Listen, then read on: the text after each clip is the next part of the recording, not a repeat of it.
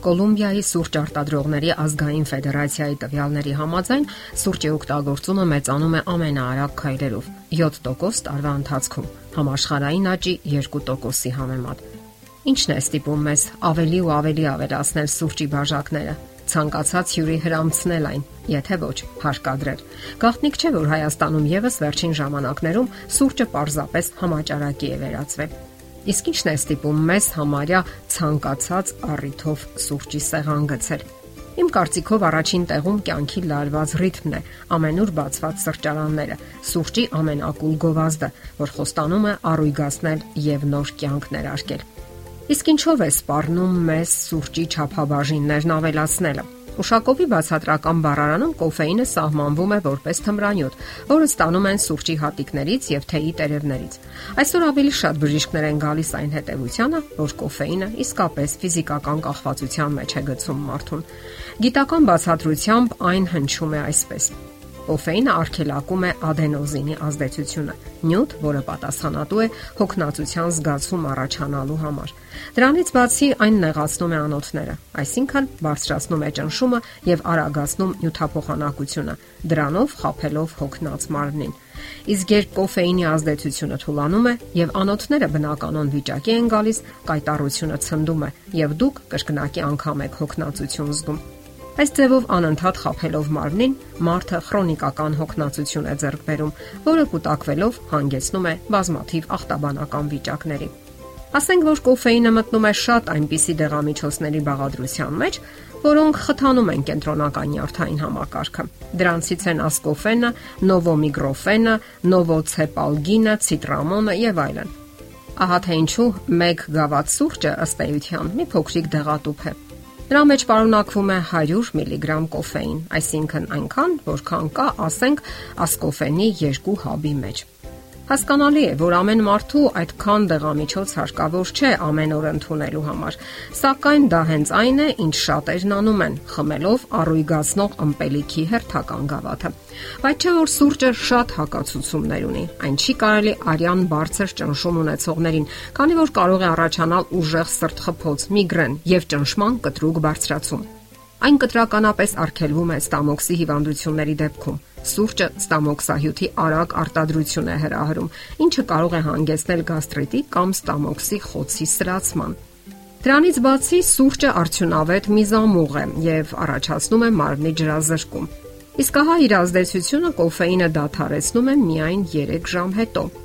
Փաստորեն դա նշանակում է, որ եթե երեկոյան ժամը 8-ին սուրճ ենք խմել, ապա ժամը 10-ին դեռևս կզգանք նրա ազդեցությունը մեր նյարդային համակարգի վրա։ Սա չի նշանակում, որ դուք չեք կարողանա ավելի շուտ քնել։ Իսկ եթե անգամ դա ձեզ հաջողվի, ապա քունը կլինի շատ մակերեսային, անլիարժեք։ Եվ արդյունքում նաև ստացվում է, որ սուրճի մոլությամբ տարապողները պարզապես պարտավոր են առավոտյան խմել իրենց ավանդական գավաթը, այլապես խումարության մեջ կընկնեն։ Գլխացավ, գրգռվածություն, թուլություն, սրտխառնոց եւ այլ ախտանիշներ։ Այսօր սրճամոլությունը լրջորեն անհանգստացնում է բժիշկներին, սակայն ոչ միայն մեծ քանակով օգտագործելու պատճառով։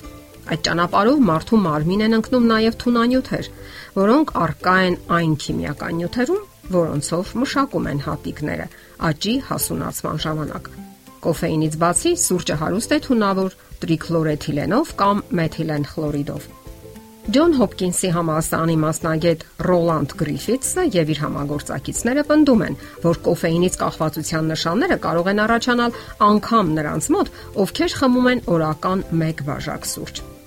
Իսկ գիտեք, որ սուրճից հրաժարվելու դեպքում առաջին բնորոշ նշանները հիշեցնում են գրիպի նախնական դրսևորումը՝ գլխացավ, մկանային ցավ, հոգնածություն, ուշադրության խանգարում եւ սրտխառնոց։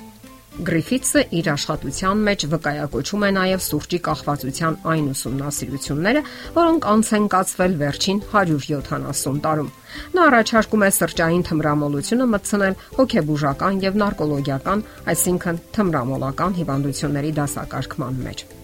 Հետաքրքիր հետազոտություն է կատարել նաև Լոմալինդա համալսարանի հասարակական առողջապահության ինստիտուտի դոկտոր Մերվին Հարդինջը։ Դոկտոր Հարդինջը ուսումնասիրել է սարդերի երկու տարատեսակ։ Նա հայտնաբերել է, որ մի տարատեսակը հիանալի սիմետրիկ սարդոստայն է գործում, բավականին մեծ չափերի։ հենց նրան էլ օգտագործել է իր փորձերի համար։ Ասենք որ նա շատ հմտորեն չափել է կոֆեինի անսահման փոքր չափաբաժինները, որոնք նրբագույն ասեղով ներարկել է սարդի մարմնի մեջ Յուրաքանչյուր սարդ ստացել է այնքան չափաբաժին, որը իր ազդեցությամբ համարժեք է երկու գավաթ սուրճի։ Այնուհետև ուսումնասիրել են այդ սարդերի գործած սարդոստայնները։ Պարզվել է, որ դրանք բոլորը միանգամայն աղավաղված են եղել փոքր չափերի, քիչ ճառագայթներով եւ ունեցել են այլանդակ ձև։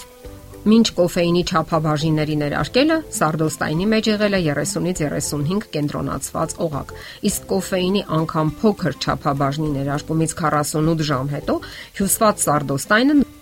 դեռևս եղել է դեֆորմացված, պարունակելով ընդամենը 12-ից 13 օղակ։ Նույնպիսի պատկեր է նկատվել նաև 72 ժամ հետո։ Միայն ներարկումից 96 ժամ հետո սարդոստայնի չափերն ու ձևը վերականգնվել են։ Լավ, այս բոլորը հասկանալի է։ Իսկ ինչպես ազատվել սուրճի կախվածությունից։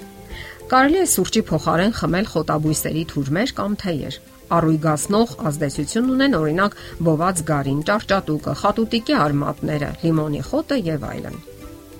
Ասենք որ առույգացնող ազդեցություն ունի նաև ջրով բացված մեղրի եւ լիմոնի խառնուրդը։ Կարելի է օգտագործել նաև կոշտ բջջանյութ պարունակող սնունդ։ Սուրճից հրաժարվելու դեպքում աղիների աշխատանքը դանդաղում է, իսկ բջջանյութը ուժեղացնում է թունազերծումը եւ կարգավորում է մարմնի մաքրումը։ Ձեր սննդակարգում կարող եք ավելացնել բանջարեղենային ապուրներ, սալատներ, կանաչեղեն, ծովային բույսեր, եգիպտացորեն, ծլեցրած ցորեն, սոյայից պատրաստված մթերքներ, չափավոր անկույս եւ սերմեր։ Խորհուրդ ենք տալիս նվազեցնել մսի, շաքարի, թխվածքի օգտագործումը։ Օրվա ընթացքում պետք է խմեք գոնե 6-ից 8 բաժակ ջուր։ Սրճային կախվածությունից ազատվելու համար օգտակար են նաև սոդայի հաբերը։ Դե ի՞նչ, հաղթահարեք ձեր հակումները եւ արդյունքը կտեսնեք՝ ազատ եւ ավելի խաղաղ կյանք։ Եթերում է առողջ ապրելակերպ հաղորդաշարը։ Ձեզ հետ է Գեղեցիկ Մարտիրոսյանը։ Հարցերի եւ առաջարկությունների դեպքում զանգահարեք 094 08 2093 հեռախոսահամարով։ Հետևեք մեզ hopmedia.am հասցեով։